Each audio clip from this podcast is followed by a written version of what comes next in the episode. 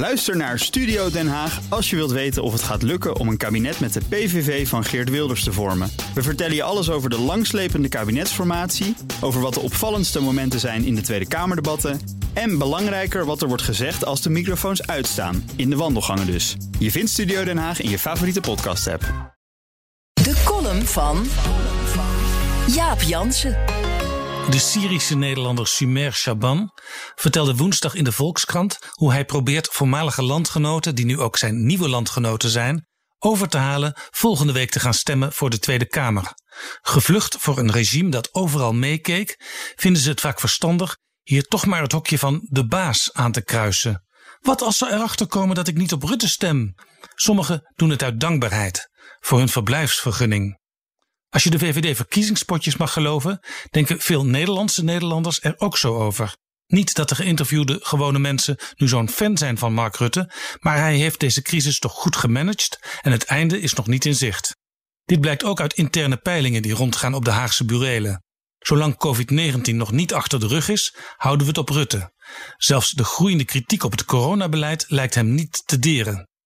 Rutte voert campagne alleen als het mogelijk is naast mijn hoofdtaak, proclameerde hij voordat de verkiezingskoers losbarstte. Regeren is ook campagne voeren, zei premier Ruud Lubbers ooit in kleine kring. Kenners weten, Rutte volgt hier de Rose Garden Strategy. Terwijl de concurrentie het land doortrekt, tekent de president wetten, af en toe onderbroken door een belangrijke mededeling in de tuin van het Witte Huis. En het beleid wat Rutte belooft is afgekeken van Boris Johnson. Die maakte zijn conservatieven de grootste met een mengeling van brexit-nationalisme en een socialere aanpak. Overigens verliest Rutte in de peilingen wel wat glans. Bij Maurice de Hond scoort de VVD inmiddels onder de 33 zetels die hij in 2017 binnenhaalde. Met zo'n uitslag is van een premierbonus of een coronabonus geen sprake.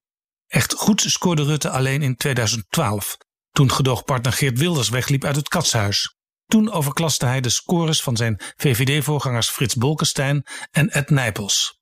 Als de komende dagen geen gamechanger opduikt, zou het mij niet verbazen als de verkiezingsuitslag lijkt op die van 2017. Per partij een paar zetels erbij of eraf, en dat is het dan wel. De huidige coalitie van VVD, CDA, D66 en ChristenUnie plust misschien zelfs wat zetels, waardoor ze in de Tweede Kamer een meerderheid heeft.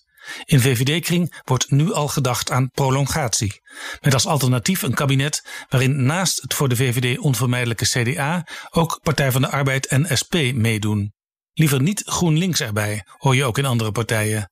Wat hebben we daaraan? In 2017 liep Jesse Klaver twee keer weg uit de kabinetsformatie die zich zeven maanden voortsleepte.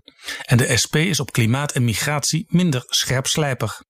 Maar goed, er is nog een week te gaan. En zoals de Britse Labour-premier Harold Wilson in de jaren 60 zei: het fortuin van een politicus kan drastisch veranderen in slechts een enkele week. A week is a long time in politics.